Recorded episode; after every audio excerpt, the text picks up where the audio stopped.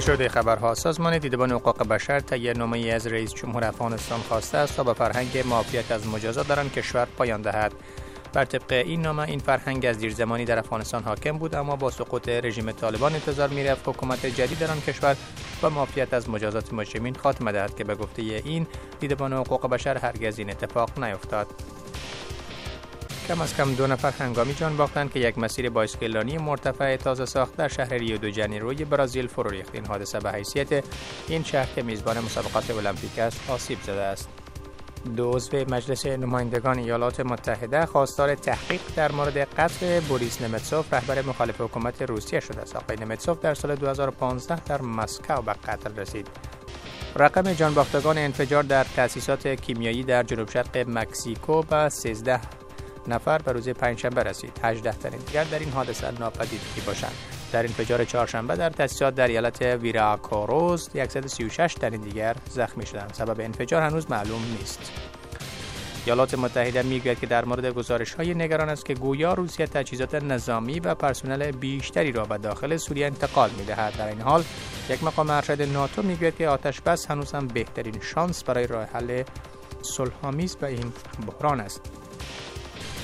ایالات متحده، چین و سایر های جهان خواهان خاتمه یافتن منازعه میان حکومت سودان جنوبی و شورشیان مسلح کشور هستند.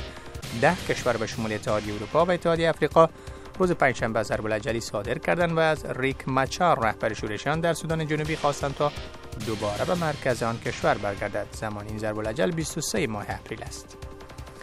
باراک اوباما رئیس جمهوری ایالات متحده در لندن است تا با دیوید کامرون صدر اعظم بریتانیا در مورد جنگ با دهشت افغانی بحران پناهجویان در اروپا و اقتصاد جهانی مذاکره کند. آقای اوباما بعد از شرکت در نشست شورای همکاری کشورهای خلیج فارس در عربستان سعودی پنجشنبه وارد بریتانیا شد.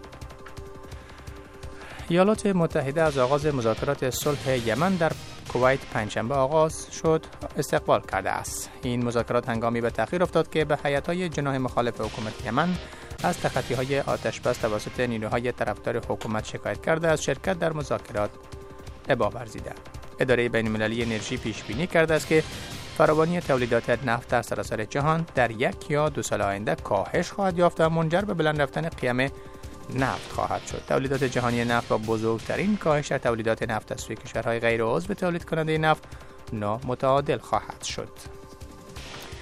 و خبر آخری که آوازخان افسانوی موسیقی پاپ امریکا صبح پنجشنبه در سن 57 سالگی درگذشت. مقام های پلیس شهر میناپولیس در ایالت مینسوتا خبر مرگ پرنس راجرز نلسن آوازخان افسانوی و نمونه امریکا را تایید کرد اما جزئیات بیشتری درباره سبب مرگ وی تا اکنون اعلام نکردند.